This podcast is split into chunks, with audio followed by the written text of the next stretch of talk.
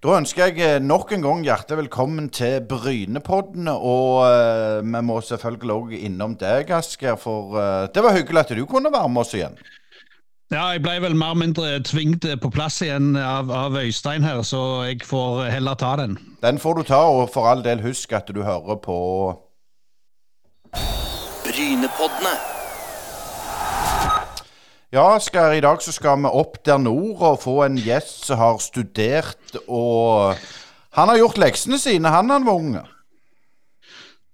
det har han helt sikkert, men eh, det er et eh, veldig interessant eh, prosjekt på gang under en paraply som er ledet av Universitetet i Tromsø om eh, kvinnefotball. og de fikk en del omtale når de satte i gang i 2019, men så har det ikke vært så mye etter det. Så jeg tenkte vi skulle lodde litt stemning og høre hvordan det ligger an der oppe. Det må vi gjøre, og så må vi ønske deg, Svein Arne Pettersen, hjertelig velkommen eh, til Brynepodden. Og Svein Arne, for, for den uh, lytteren som hører på oss, så må du fortelle er, er, nå, nå, er du jo professor og forskningsleder i idrettshøgskolen eh, i Tromsø. men den unge Svein, Svein, Svein Arne, er, var det en fotballspiller? Eh, jeg har tre kretsmesterskap. Eh, gutte junior for Tromsø og B-lag for Tromsø. Har vel aldri spilt en eh, A-kamp. men jeg løp litt rundt omkring, sånn rundt 1,10 på halvmaraton og litt under, ja, litt ned på 31-tallet på 10 km. Så, så, det var sånn uh, veldig godt mosjonistnivå. Var det sånn så, så, så Øyvind Leonardsen best uten ball? Jeg var keeper. Du trengte ikke, du trengte ikke kondisjon. Eh, nei, det er bra. Men, men, men, hvordan var det nå? Nå er du en, en voksen mann. og Hvordan var det å, å vokse opp i, i Tromsø og, og idrettsmiljøet den gang? Ja, det var, altså, Jeg vokste opp eh, på en gård 15 km utenfor byen, så, så, det var et uh, stykke til å, å, å, få drive idrett. Så Jeg husker veldig godt som 10-12-åring å sykle 15 km, eller det var 14 til Tromsdalen og trene, og så tilbake i motvind på våren uten gir. Det var Ja, det, det, det sitter i. det er litt sånn som jeg kjenner til dette her, Asker. Ja, ikke, ikke, avstandene, men vinden kjenner vi jo godt til. Men, men eh, Svein Arne, dette med at du holdt deg på å si, måtte trene etter trening, er det det som førte deg litt inn på dette sporet med, med fysisk eh, trening og, og, og, vitenskapen rundt dette her? Ja, jeg var vel egentlig alltid litt interessert i hva er det, er det som skjer. Jeg tenker at det med, med løpinga var vel òg en sånn å teste ut hvordan ting virker på kroppen. For jeg hadde ingen sånn ambisjoner om å bli noe mester eh, på det. Men vært veldig, alltid veldig interessert i, i fysiologien eh, bak. Så, så det, og når Olympiatoppen kom oppover med et prosjekt på slutten av 90-tallet. Så ble jeg engasjert der, og etter det så har det vært veldig mot uh, den fysiske og fysiologiske delen.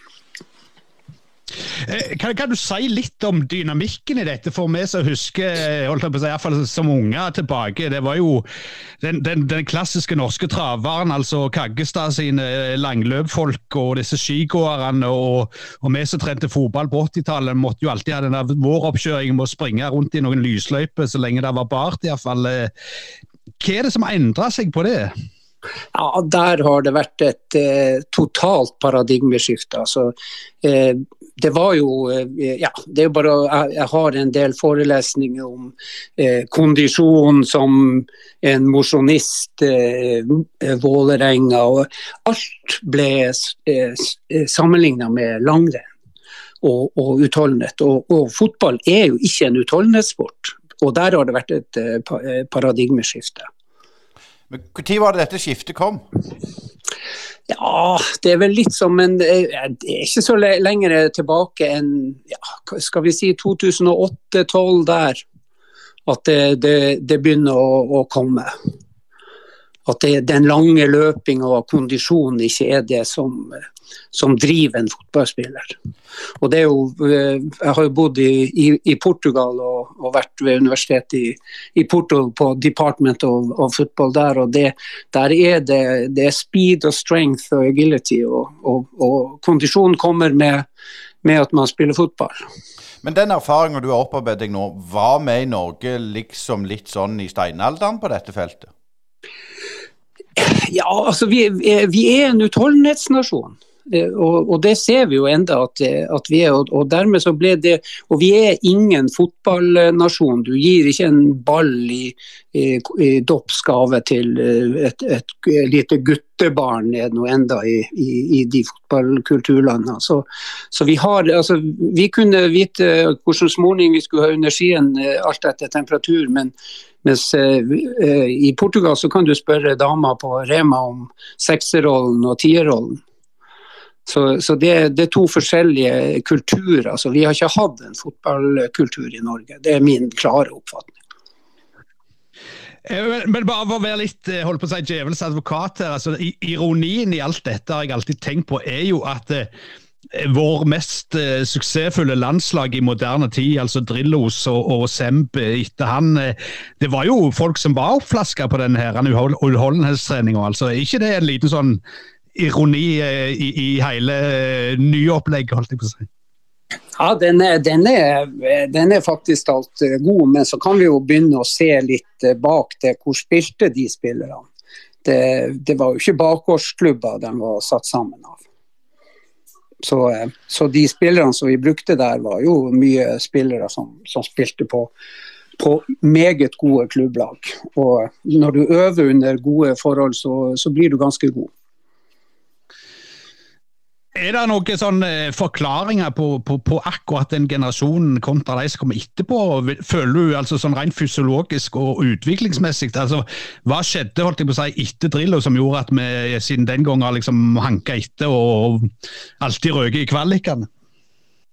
Ja, det er et vanskelig eh, spørsmål. Altså, det, det, er helt klart eh, dette med at vi ikke har hatt eh, så mye folk i, i toppligaer. Det er det jo ingen tvil om. Så, så, så det har jo blitt redusert og er nå på vei å bygges opp igjen. Så, så jeg tenker at, at mye av svaret ligger der.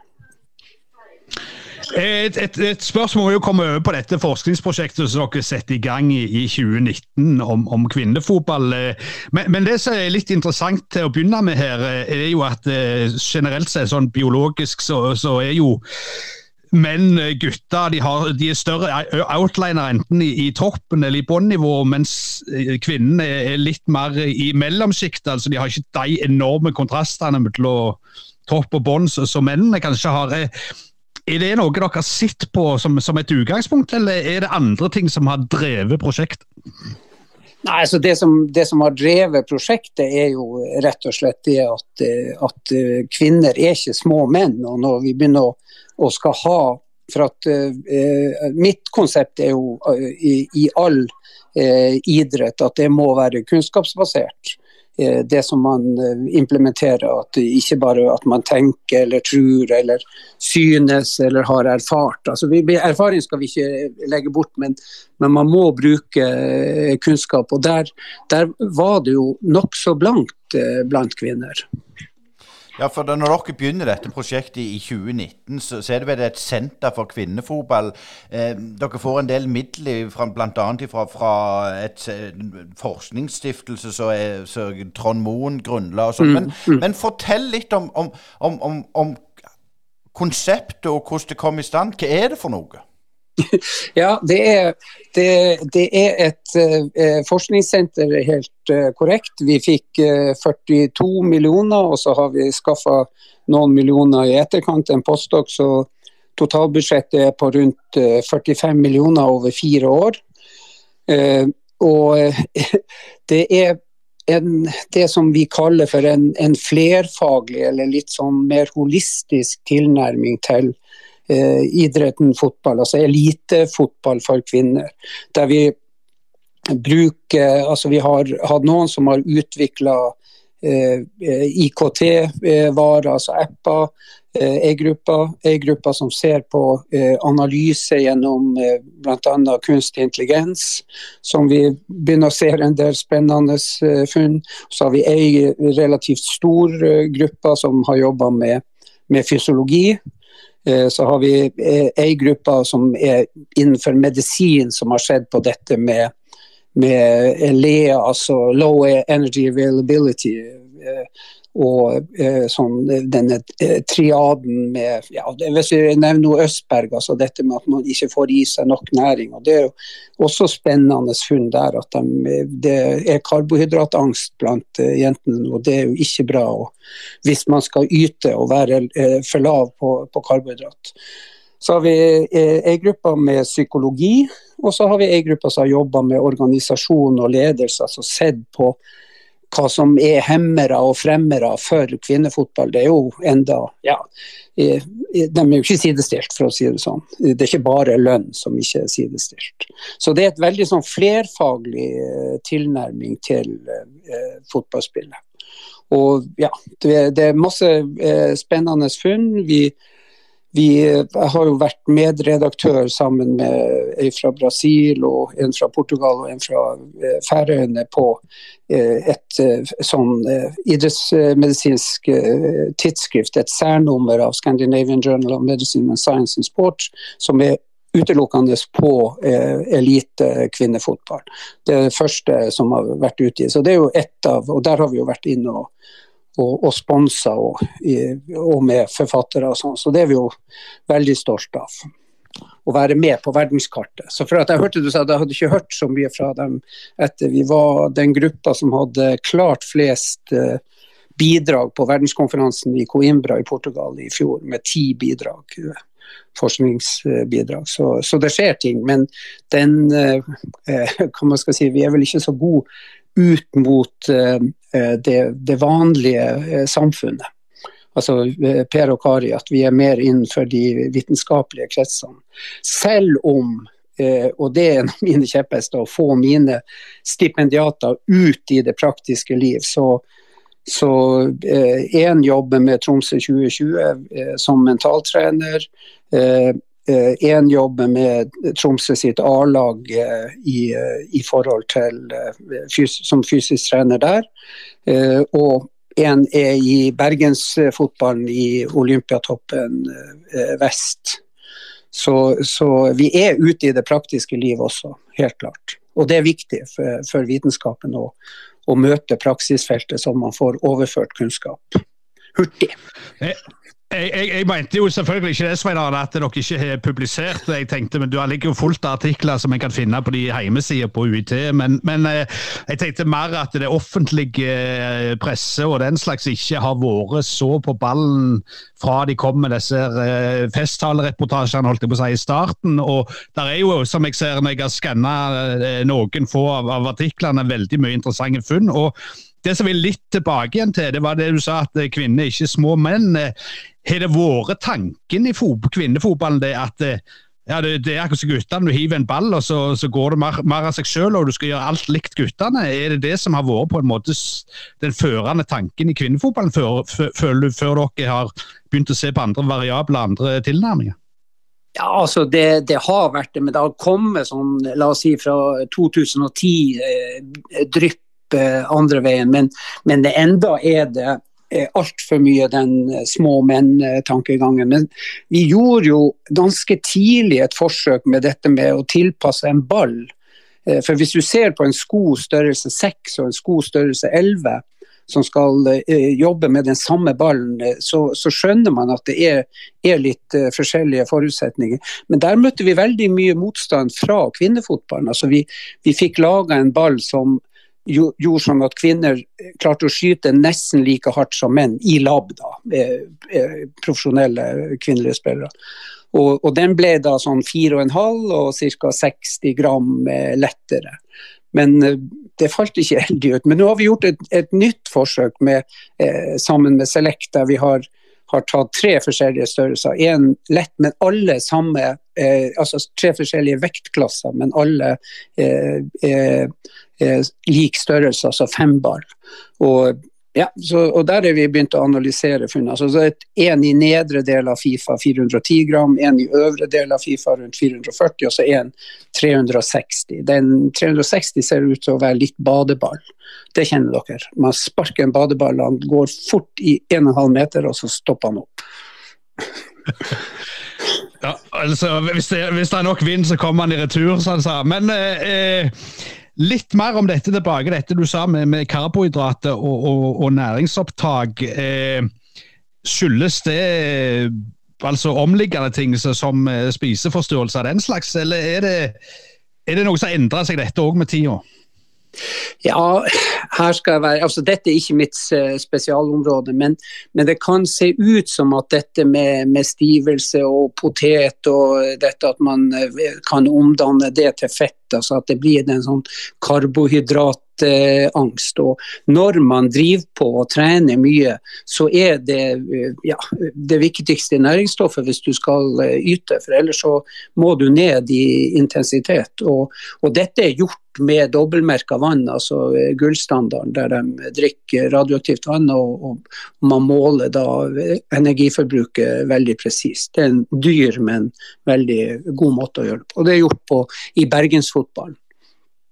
Eh, litt tilbake til den forskninga. For det at du ser eh, dette med kvinnefotball, sånn som jeg har sett her, så var det brukt sånn mannsbasert forskning tidligere, før dette prosjektet. Og, og stemmer det? Ja, altså i, i, det er gjort veldig lite på, på, kvinner. Altså, vi holder på med et forsøk nå eh, som aldri er gjort før, altså med det som kalles for speed endurance training. Som, som, for at vi ser at eh, kvinner er mer avhengig av sin kondisjon eh, enn menn. altså, det er en tettere sammenheng mellom prestasjon og kondisjon hos kvinner enn hos menn. Men om det er for at de eh, er annerledes fysiologisk, eller at de ikke har trent for å utvikle den anaerobe kapasiteten, det, det, tester vi ut nå. Men vi er midt i, i første, altså midttest, så vi har ikke, eh, har ikke gjort det. Men, men, det er uh, eksempel. Vi eh, viste jo at styrketrening, maks styrketrening gjorde jentene veldig sterke men de ble ikke raskere og hoppa ikke høyere. Og Det gjorde vi samtidig med menn i samme lab med samme folk. De hadde akkurat lik fremgang i, i styrke, ca. 30% som er mye. Og, men, og, men, i tillegg så hoppa de høyere og løp fortere. Og sånn Rent anekdotisk så har jeg snakka med friidrettsmiljøet som har opplevd det, det, samme. Så kanskje i forhold til styrketrening for å hoppe høyere og sprinte raskere, så er at plyometrisk trening, altså mer sånn Eh, hurtig med, med, mindre motstand, er, det som er best for kvinner. Men, Men, her trenger vi mer forskning, for det er veldig lite gjort der. Ja, riktig. Men sånn var forskningsmiljøet overraska over hvor lite det var forska, eller var det allment kjent at det var liksom noe vi ikke brukte energi og ressurser på før i tida? Nei, altså det ble vel kanskje eh, overraska at, at, det var mange egentlig Eh, velprøvde treningsmetodikker som ikke var, var, gjort eh, på kvinner. Og spesielt ikke på høyt nivå. For at hvis du gjør noe med mosjonister, så vil du få fremgang på det meste. Mens hvis du skal prøve eh, en treningsform på Jakob Ingebrigtsen, så kan du regne med at du får ikke noe fremgang. For at han, han er høyt der oppe, eller minimalt. Så det må man også ta hensyn til. at hvis, man, hvis det er for elite, så må man også få lov å prøve. og Det er veldig vanskelig å gjøre real life-forskning i, i elitemiljøet. Det, det, skjønner dere sikkert. De, de har sine, sine, eh, måter de eh, vil eh, gjøre det på. Men når du sier nå dette her med, med styrketreningseksempelet, som dere selvsagt ikke er ferdige med å holde på med ennå, men det høres jo ut som dere er på vei til å finne noe som kan medføre et rett og slett paradigmeskifte i hvordan en trener toppspillere på, på kvinnesida? Ja, iallfall at man at man kan eh, regulere eh, det er mange eh, rare ting som synes jeg som foregår i, i, i, i trening. Altså for at eh, det vi har funnet, for vi har jo fulgt klubber over eh, flere sesonger. så de tre beste i, i de to siste sesongene og et, en som, som er litt lenger ned. Da, og, og det vi, det vi, ser, de, de, det er jo lite sånn benchmark. Hva skal en eh, spiss eh, eh, gjøre, hva skal en wingback gjøre? I, altså, hva er, er, kravene i Eliteserien? Og, og kravene er veldig sprikende. Altså, variasjon er det vanligste. En, det er helt normalt at det er 30% forskjell fra kamp til kamp pga. kampens indre liv, altså hos én og samme spiller. Så, så kamp kjennetegnes av variasjon, og treningsuka kjennetegnes av monotonitet. Og det er jo litt rart. jeg, og det gjelder herrefotball òg. Jeg, syns det, det blir sånn at det skal være sånn at uh, matchdag minus fire, så skal det gjøres det. Og, uh, ja. det, det, er ikke sikkert at, at det er riktig.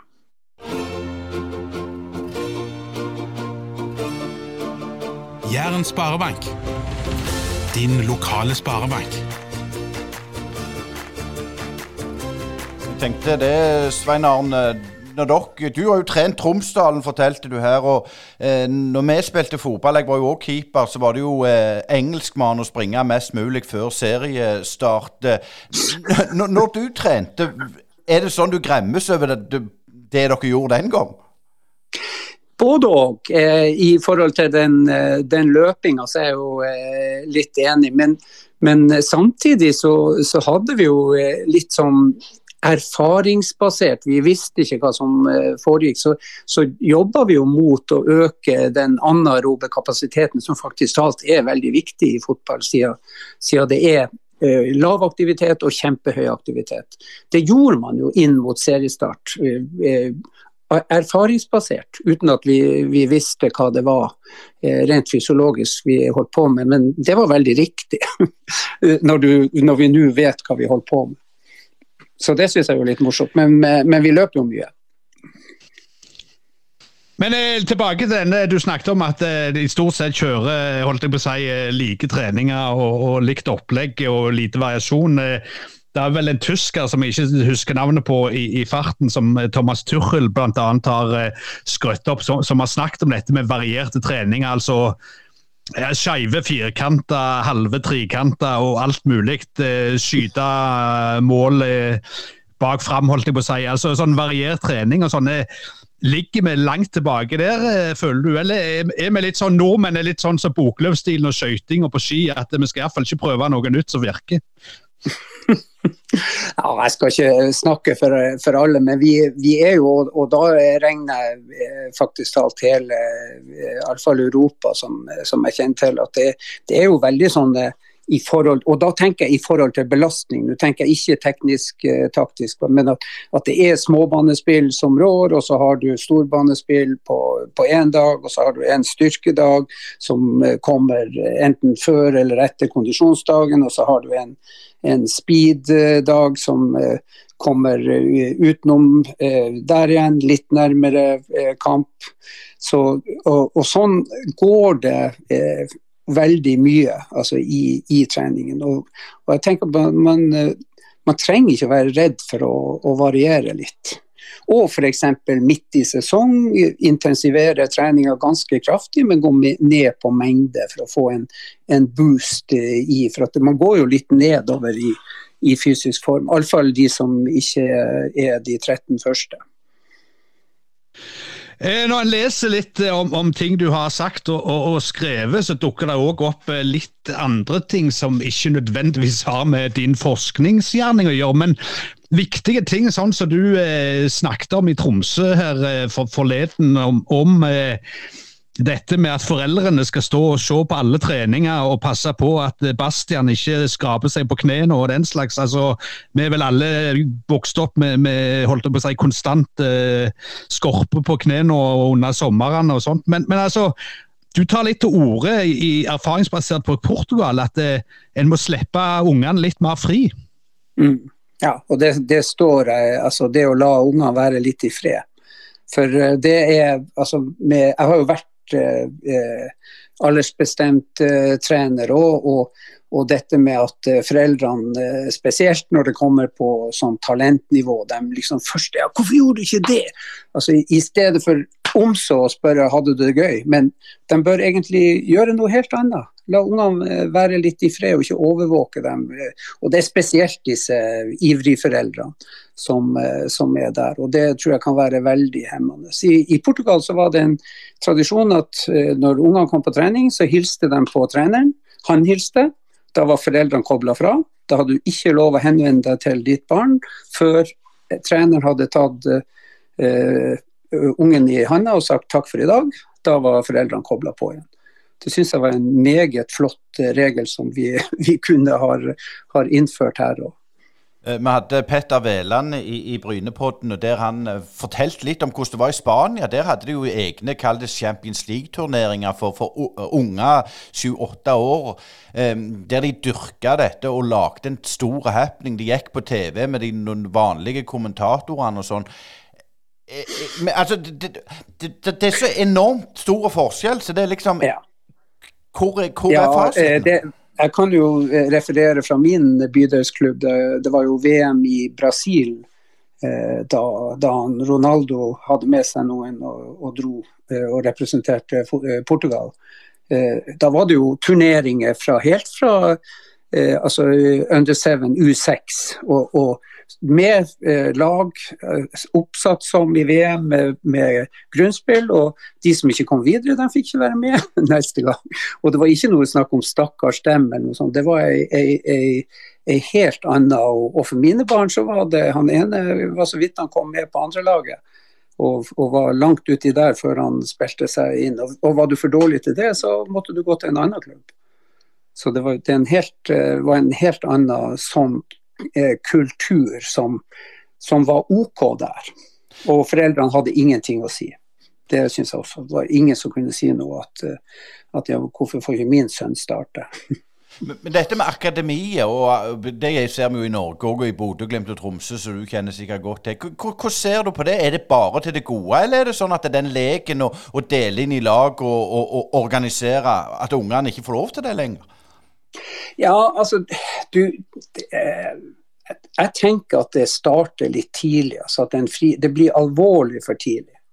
Altså blir veldig seriøst fra du er tolv år. og at, at, da kan eh, leken forsvinne. Du, kan, du har eh, bodd på femstjerners hotell og vært på de fleste arenaer i Norge når du er 15 år og, spilt i, i nasjonal serie. Eh, så, og forskningsmessig så vet vi at de som starter litt, eh, litt eh, senere, har en større sjanse til å nå et, eh, et høyt nivå. Så, så det, og så er det den saken om at hvis man samler talentene hele tida, så er det ofte sønner og døtre til der det er jenteakademi, og det er til trenerne som er de ivrigste og de beste, og så går de til akademiene, og så kan eh, bydelslag gå i oppløsning. Og det er jo trasig. Men, men, er det òg et, et, problem og en utfordring dere merker i, i, Tromsø, dette her, eller er det bare vi sør som merker det? Nei, det er, det er, diskusjoner eh, rundt det. altså Dette med at eh, alle talentene går til, til Tromsø, og så vil det utarme bydelsklubbene? Det, det, er den diskusjonen. Jeg har ikke sett noe statistikk på hvor mange eh, bydelslag som det eventuelt gjelder, som har eh, eh, blitt oppløst. Det, det, har jeg ingen statistikk for. Men, men det starter tidlig her i Tromsø. Men, men, du sier forskningsmessig, altså det var jo en eh, ungdomstrener i Vard, eh, vel på Haugesund, eh, som snakket om dette. at eh, at det, det, jevner seg ut med året. og det har jo med, selvfølgelig med de som alle, alle landslagene har vel en stor overvekt av folk som er født fra januar til april, og, og så blir det jo utligna når, når, alle blir voksne, holdt jeg på å si. Er, yep, yep. er, er, er, vi for lite obs på dette her? Altså, det blir de, de tidlig utvikla som dominerer, og så når de begynner å, å bli litt uh, tatt igjen av resten, så mister de litt motivasjonen i tillegg, for da skal de røyke, kjøre moped og se på damer, som vi pleide å si før. jo, altså, eh, Nå har jeg ikke sett statistikk i, i de senere år for, eh, for Tromsø, men uh, jeg har hatt en av mine gutter i, i mange år på, på, akademiet, og da talte jeg vel at det var én altså én som var født i desember, som på, spiller på Bryne nå. Og så var det én i juli, og resten var født mellom januar og, og april. Så, så at en relativ alderseffekt finnes, og det er menneskelig å se på den, men som du helt rett sier, så, så utjevnes jo det. For det kan jo være seks år forskjell fysiologisk på, på en, en 13-åring. Men Litt tilbake til selvfølgelig dette med kvinnefotball, som, som, som, du forsker på. altså Norge var jo eh, kjent for å være en ledende nasjon med vant mesterskap, eh, noe som herrene aldri har gjort, og, og, og, var blant de beste. Eh, mange sier at det bare skyldtes at vi var enormt tidlig i gang. altså Tidlig 80-tall var det vel en, en landsdekkende serie allerede da. Er det bare det, eller har det skjedd noe annet på veien som gjør at vi har eh, hanka litt etter de, de tradisjonelt store fotballnasjonene? Ja, altså Penger er jo én ting. At, eh, at, det kommer penger i en del ligaer. og Da drar de beste spillerne dit. Det, sånn er det bare. Så, så økonomi, at, at, en del internasjonale klubber har, har en helt annen økonomi enn en toppserien har. At det, at det, har vært en årsak, er helt klart. Men også det at vi var tidlig ute. Det var vi. Vi var tidlig ute med kvinnelig stemmerett, og vi var tidlig ute med, med som du sier, organisert uh, fotball for kvinner. Og at det har jevna seg ut, det er det vel uh, ingen tvil om. Nei, Når du nevner det, så er jo mitt studio her på Bryne ikke så langt ifra Klepp, som, som var en gammel eh, storklubb i, i toppserien. Disse tidligere kalde klubbene som var i toppserien, du sa Klepp, Kolbotn, Trondheim, Søren, Sandviken, er jo ikke Altså Klepp er der jo ennå, men det andre har gått til Brann og, og, blitt Rosenborg og sånn. Er, er, det noe som måtte skje, eller er det noe du har reflektert over? Ja, det må vel skje. Ikke det, Uefa har ikke dem pålagt alle store klubber å ha damelag. Det mener jeg er, er, Uefa-bestemt. Ja, det er noe der. Men, men sånn forskningsmessig, når det kommer sånne ting, er det, er det bare til det positive, eller, det, eller, går vi glipp av noe? Tenker du det at det er de store klubbene som, som ja, ja. ja. Nei, altså for oss, eh, hvis vi skal forske på elite, så så er det innenfor uh, fysiologi eh, og, og, de tingene, psykologi og sånn, så er det en fordel. Men i forhold til kanskje organisasjon og ledelse og sånn, så, så, er det ting som man da ja, som, som blir annerledes, og, og, kanskje man kan oppfatte på at det endrer seg med at de små klubbene forsvinner. Klepp med, men de rykker ikke opp. Uh, nei, de er på nivå to ennå, ja. Ja, det stemmer. Eh, men, men allikevel, jeg, jeg, jeg har, det som jeg har merka meg altså, Nå er dette holdt på å si, eh, det er jo ikke ditt forskningsfelt, men altså det en på en måte har gjort med å innlemme disse klubbene i, i, de etablerte herreklubbene, er jo på en måte, føler jeg, da, at en har glemt å si og gjøre, eh, gjør, eh, ros på og si takk til alle de dugnadstimene og de folka som har steikt vafler og fått fram disse jentene tidligere. Altså Det var bare sånn det var Sandviken en sesong, voff, så var det Brann. Eh, og så glemte alle at uh, Sandviken har, har, eksistert i det hele tatt. Altså, føler du man mister noe sånn iallfall psykologisk på veien? At en mister kanskje en del folk på veien eh, som har tidligere vært og brent for disse jentene? Nå skjønte jeg spørsmålet ditt, og det, det, det vil jeg eh, eh helt klart eh, tro, men jeg har ingen, ingen verken forskningsmessige eller anekdotiske eh, fortellinger eh, der i, i, forhold til det. Men det er klart at eh, Tromsø 2020 det var jo i hovedsak Fløya og TIL, så, så det at, at, det ble TIL-drakta, det vil, uten at jeg snakka med For der var det jo masse ildsjeler som ville nok falt tungt for brystet. at de at de skifta draktene bare, og så var de en ny klubb. Så, så jeg, ser den absolutt. Og nu, vi har jo nå den diskusjonen rundt eh, navnet Romsa Arena i stedet for Alfheim stadion. Der kommer jo også sånne eh, følelser frem ganske mye i, i, i lokalmedia. Det er jo det når du nevner følelser der, så er det jo hvis du snakker om uh, uh, fremmedkulturelle og, og, og, kvinner. Hvordan syns du det, dette med den forskningen dere har gjort på kvinneidrett, har blitt, blitt eh, snakket om og skrevet om i media. Er det grundig, eller er det mye følelser og mye floskler, føler du? Eh, jeg føler vel at det er litt eh, Det er jo eh, banebrytende forskning. Vi har gjort for første gang i, verden mye, mens lokal media er, da er det viktigere om en eh, spiller på A-laget til eh, Tromsø har eh, bursdag eller tanta har gjort noe. Så, så, det er enda veldig vanskelig å få, få media. NRK har vært, vært flink å, å, å, følge opp, men det er vanskelig å, å få media til å, til å, ta i på det. Lage pressemeldinger og greier med, med kjempespennende funn, også for allmennheten. Ikke bare sånn muskelfysiologi eh, og, og eh, cellemembraner og den delen. Altså det, det, så det er, det, er ikke, det er ikke lettsolgt enda Eh, forskning på, på kvinnelige eliteutøvere. Da passer det veldig godt at vi tar denne promoen her, og så kommer Asgeir tilbake igjen snart. Du hører nå på Brynepoddene. En uavhengig og litt dypere podkast som gir deg lyden av ekte sport. Vi har studio på Bryne, og herifra sender vi deg motstemmen til den overflatiske og klikkorienterte sportsjournalistikken. Gå inn og se i vår nettbutikk på Bryne Paddene med dobbel a.podbean.com, og følg oss i sosiale medier. Ja, til Svein Arne, tilbake til deg igjen. Eh, dette med, med, kultur som var inne, altså vi var en utholdenhetskultur og, og, så videre. Nå samarbeider du med, med folk i Danmark og, og Danmark og Portugal, og, det er jo helt andre fotballkulturer og andre tradisjoner. Er, det noe dere merker òg i forskninga, at det er forskjeller på, på utøvere i, i Norge og, og, de to andre landene, f.eks.?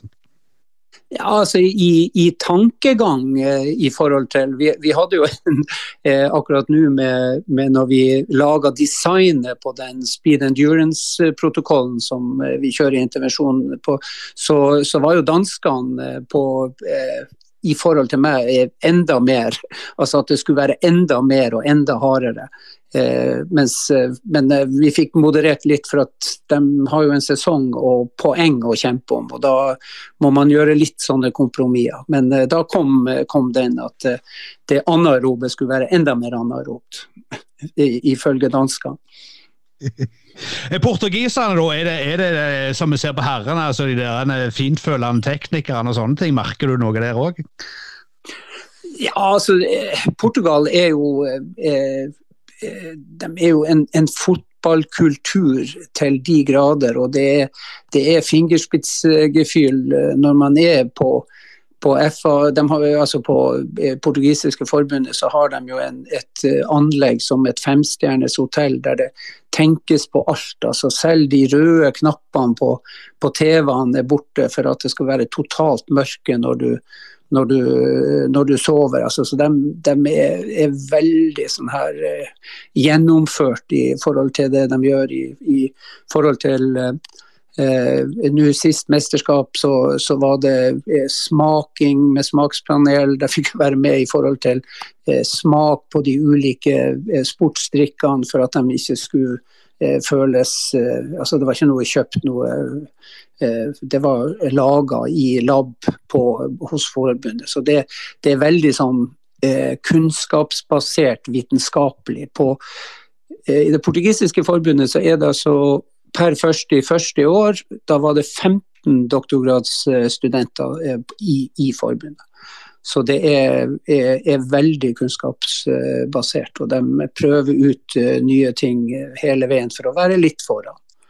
Veldig, så det er veldig spennende å, å være eh, tett på. Eh, nå har jo du eh, holdt på å si, både som utøver og, og som forsker opplevd eh, vanvittig store endringer. altså Det der sports science-segmentet er jo altså Når du tar the, long view, så er, jo det relativt nytt. Men sånn inn i framtida, altså, blir det for mye laboratorium? altså kan, Om noen år så kan vi kanskje holdt på å si, ta ut genprofiler på folk allerede når de er fem år og vite sånn cirka hvor de havner hen og den slags. Altså, ser du noen skjær i sjøen i, i framtida angående fotball og idrettsforskning? Ja, det, det, vil jeg jo si. Altså, vi har jo, vi sjøl uh, brukt AI altså, og, og, og, lært opp Eh, eh, maskinene til å, å, se på data fra spillerne. Vi har noe som heter 'readiness to train' eller 'readiness to play', der du eh, merker, sier fra én til ti, altså hvor klar er du til kamp eller trening i dag. Og bare på tre måneders trening så, så klarte eh, kunstig intelligens å predikere uka, neste uka, hvordan utøverne ville føle seg Eh, og når da uka var gått og vi tok og la grafene fra det spillerne svarte, de små endringene tok de ikke, men større endringer kunne, kunne de se allerede da. Så det er jo litt skremmende. Da blir liksom alt det her med hvordan vi skal lage for at de skal føle seg greie, og det blir unødvendig. Så, så det er helt klart eh, at, at det med, med, bruk av teknologi Men uansett så er det i langt frem i tid mennesker som skal gjøre det. Og jeg vet ikke om dere kjenner Monty Python, men uh, i, The Meaning of Life da det, kommer sykehusdirektøren på besøk mens jeg ligger og føder, og da er det bare uh, de skal vise direktøren the machine, og says bing! Og da er, er, alt bare teknologi og maskiner, og så er det ingen som opp, uh, oppdager at hun ligger der og føder mens de holder på. Og det, altså, og sånn at mennesket og det daglige arbeidet vi gjør ute på, på banen, det tror jeg kommer til å være viktig langt, langt fremover. Men at, at science altså, kommer tettere på. For i mange storklubber så er det svære science-avdelinger, men vegg imellom sport og science. Så science har holdt på med science, altså sport science i klubbene. Svære avdelinger. Men, eh, mens eh, klubbene, eh, altså de som trenere og sånn, har holdt på med, med, sitt. Men der begynner koblingen med nye, moderne trenere å bli, bli mye, mye sterkere. Eh, Liverpool ansatte vel en en analysesjef som, eh, som, var en sånn super eh, i teoretisk fysikk. Så det, det, det at analyser som eh, vil ha et, eh, et, eh, mye å si i fremtida, det, det, er det ingen tvil om. Det, det, er jo, det, er jo, Monty Python kjenner vi jo selvsagt til. og Da, da holdt jeg på å si, kom jeg på en gammel uh, Andy Kapp-anekdote når det første på de britiske øyene. med at uh, han, han, la seg på sofaen og sa han til kona det, det nytter ikke uh, Eh, maskineriet vil ta overta. Og så sier kona at de har ennå ikke funnet opp en maskin som ikke gjør en, en drit. Eh, så det var litt sånn eh, oppfølging til den. Men, men, tilbake til AI, altså kunstig intelligens. Dette skjer jo veldig fort, og, og det er jo spådd fram mot 2030 at vi vil se store endringer. Men i, i de idrettsmiljøene du kjenner i Norge og sånn, altså den der holistiske tenkinga mellom ledelse av klubber, trenerapparat eh, og eventuelt analyse, data, science-avdelinga. altså, Er vi litt konservative der òg, med tanke på å implementere, som du sier. så Jeg har òg fått med meg dette med Liverpool. De har jo holdt på å si en kjernefysiker en fysiker som, som leder analysen. og De kan jo ingenting om fotball sånn egentlig. Men altså, hvor langt bak ligger vi egentlig i Norge der? Langt bak. Vi gjør det. det så, eh, så, der er det, er det mye, å, mye, å, hente. Altså, det er jo jeg tenker jeg jobba jo i Rosenborg et par, et par, år, og da eh, eh, begynte vi jo med tracking. Og ja, Tromsø var jo tidlig ute for at vi eh, fikk det gjennom et annet prosjekt, trackingutstyr på Alfheim eh, allerede i 2010. Og da var jo ikke det vanlig i, i Norge. Nå har alle det. Altså Alle har det, og, og, og nå har veldig mange innenfor toppserien òg det. Så, så, så, så, ting, og, og, da må du jo helst ha noen i, i analyse for å analysere det til, altså at det ikke bare blir en masse tall. Så, der er det, er det underbemanna i, i, i, Norge i, forhold til den delen. Altså å bruke tallene til noe, noe fornuftig. For det kan de brukes til. Ja, du vil ikke Nei, men det er greit, det. Jeg skal si det, jeg, Asker. For jeg tenkte Nå må vi som ikke var så flinke på skolen, komme litt til orde her. For jeg tenkte litt med tanke på utøverne på dette her. Altså, hvordan er det de absorberer denne kunnskapen? Er de interesserte, eller er de enkle fotballspillere, for å bruke et sånt dumt bilde? De er blitt veldig interessert er, og der har også skjedd en endring. Yngre spillere, er, ja, for så vidt også eldre, er, er veldig interessert. Og, og, damespillerne kanskje enda mer enn en herrespillere. Veldig opptatt eh, av, av, sine prestasjoner og tall. Eh, og så har vi jo, sant, Mange klubber har jo i tillegg at, vi, at de rapporterer eh, wellness, altså hvordan har du sovet i natt, eh, hvordan humør er du, er du stressa, de tingene, hvor mange timer har du sovet. For at søvn er jo noe som kommer helt klart til å til å, å, å, få enda større eh, innvirkning. For vi, I forhold til restitusjon så er det jo de to basis, altså eh, mat og drikke og søvn. Det er jo der vi kan, om du bruker noe sånn kompresjon eller om du tar noe sånn isbad eller sånn, det kan du bare gjøre hvis du mener at du har eh, godt av det. Men det, det som er bevist, det er søvn og mat og drikke som, i forhold til, til restitusjon. Og for de som altså, vi, har jo et, vi jobber i et nytt prosjekt nå inn mot Vålerenga kvinner. og De går fra 27 til 52 kamper dersom de går helt gjennom eh, eh til eh, Champions League-kvaliken. Det er en, radikal økning og ganske liten stall. Og hvordan skal man få dem gjennom der best mulig. Så, så det er vi inne med et, eh, et prosjekt nå som vi eh, holder på med. Jeg må bare arrestere deg litt der, Svein Arne, for jeg har åte og drukket og sovet godt. Jeg ble ikke noen toppspiller for det. Men, men, men, hvordan er det i andre idretter? Altså, Dette er jo lagidrett, men er det noe forskning på dette med individuell idrett? Er det mye de samme tingene som blir eh, viktige der framover? Ja, det er du. Altså, det er jo eh, det er, men der, altså individuelle idretter har jo vært flinke eh, lenge.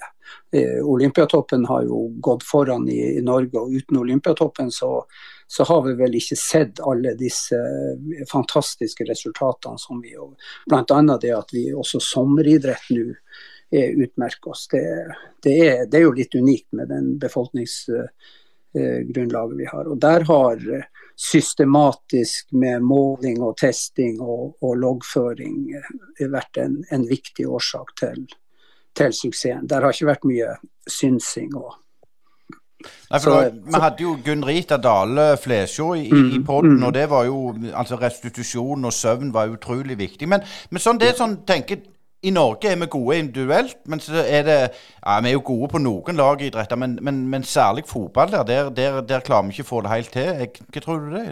Hvorfor er det sånn?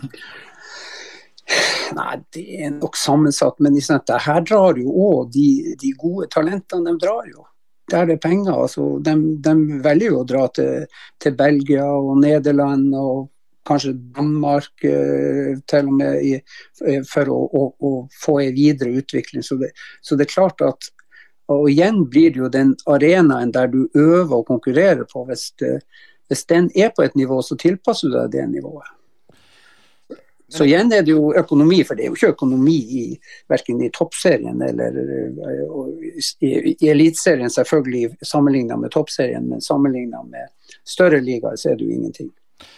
Eh, det er helt korrekt. Du, du var jo òg litt involvert i drill. Og professor eh, Egil Olsen, hvordan var han når det heter med sports science? Var han, Brydde han seg om det, eller var det, var det helt andre ting?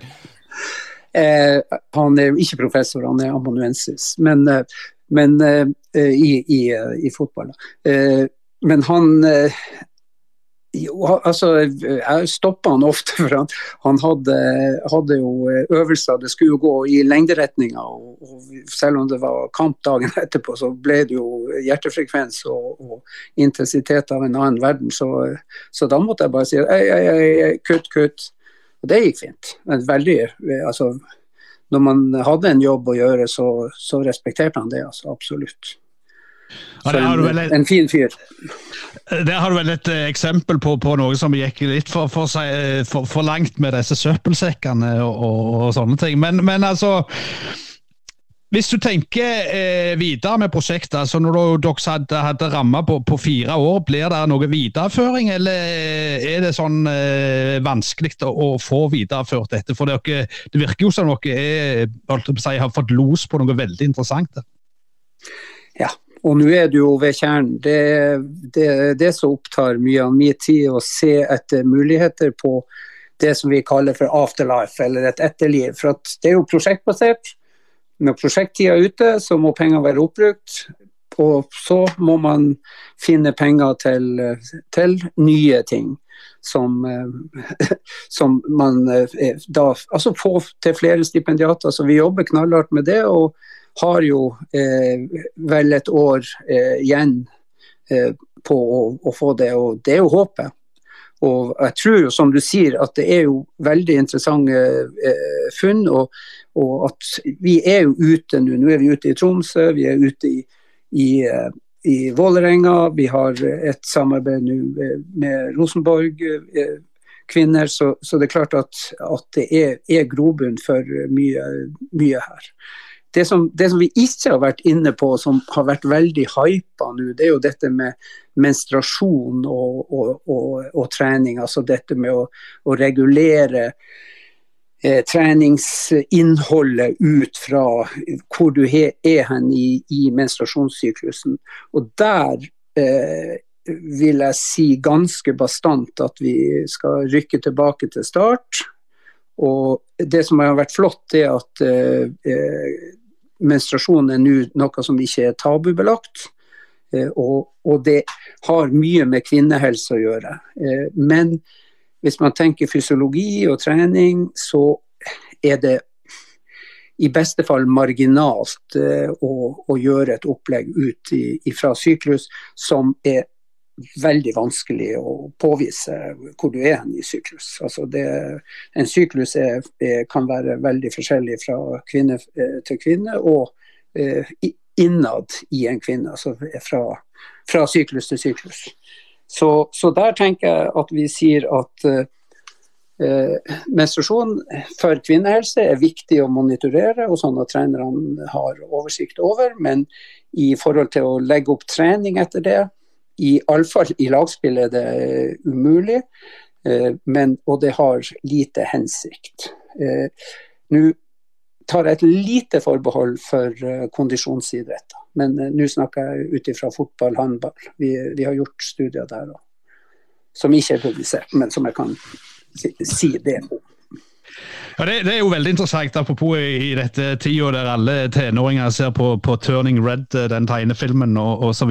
Men, men altså skal vi Jeg spør litt, Dere er jo ute blant eliten og tester eliteutøvere og gjør funn osv. Men sånn rent eh, basert på, på tidligere forskning, sånn, hvor lang tid går det før ting som er liten får tilgang til filtrere nedover i divisjonene?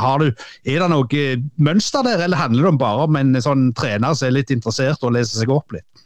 Ja, eh, det, det, siste er nok uh, veldig riktig. Uh, Utfordringer generelt, altså det tar jo ofte tre år fra forskning til det kommer ut. Og Der har vi, har vi prøvd å virkelig skynde på å få det, få det ut eh, tidlig. Og Så har jeg én kjepphest til. Det vi forsker på, må vi kunne si hva de praktiske implikasjonene av det vil si. Altså Hva vil det si i praksis? At hvis er, blir, vi finner ut at ei muskelcelle er tom for glykogen etter 60 minutter, hva har det å si i, i, i det praktiske arbeidet med idrett?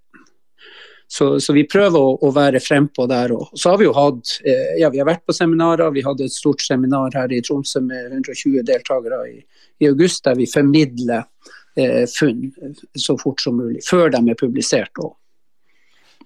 Lyst til å komme med et siste spørsmål her, eh, Svein Arne. For eh, dagens unge, enten de elite, blir elitespillere eller ikke, så, så, er det mye mer stillesitting eh, nå enn, enn når vi var og, og, trente og måtte sykle. Jeg måtte sykle, sykle bare 6 km, og du hadde 15. Men, men Nei, jeg, jeg, modererte til 14. Ja, jeg vil ikke okay. bli tatt på det. Nei.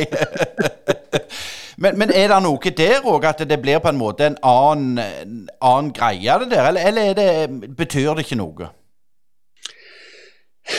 Det er, det er, vanskelig å si. Altså, Sokrates, for ja, det er jo snart 2500 år siden, han var jo helt fortvilt over ungdommen som var så lat og udugelig. Altså, at de uh, gjorde ingenting.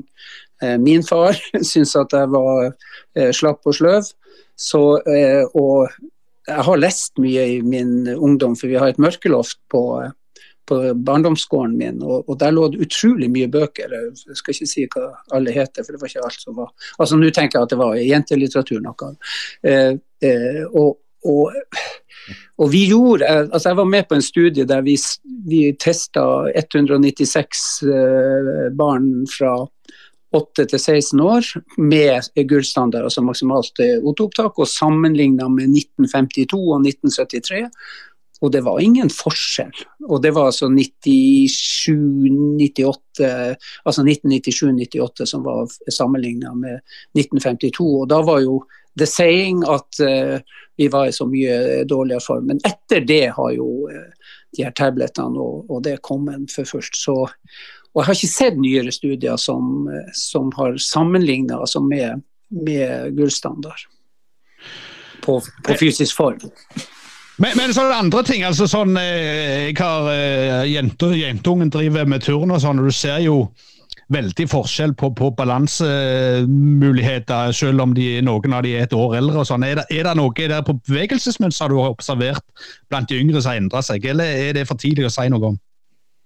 Nei, det, altså, Jeg har en liten bistilling på lærerutdanninga, master i, i, i, kroppsøving. og Der er det noen som skal se på, på dette. Men jeg, jeg, har vært for lenge ute av uh, den barnedelen uh, til å, å, kunne si noe om eh, utviklinga der. Altså om det har skjedd ei, forverring eller, eller sånn. Det, det, vil jeg ikke uttale meg om. Men uh, det går nå bra med de, de, fleste. Jeg, ikke, jeg tror ikke det er flere brudd, f.eks. Uh, på at de har dårlig motorikk og sånn. Det, det tviler jeg på. Så jeg, jeg, jeg er litt, jeg er litt uh, Altså de uh, stemmene som uh, hyler og skriker, jeg er litt mer moderat der. Særlig etter egen forskning der jeg trodde at det skulle være mye dårligere. Så var det ikke det.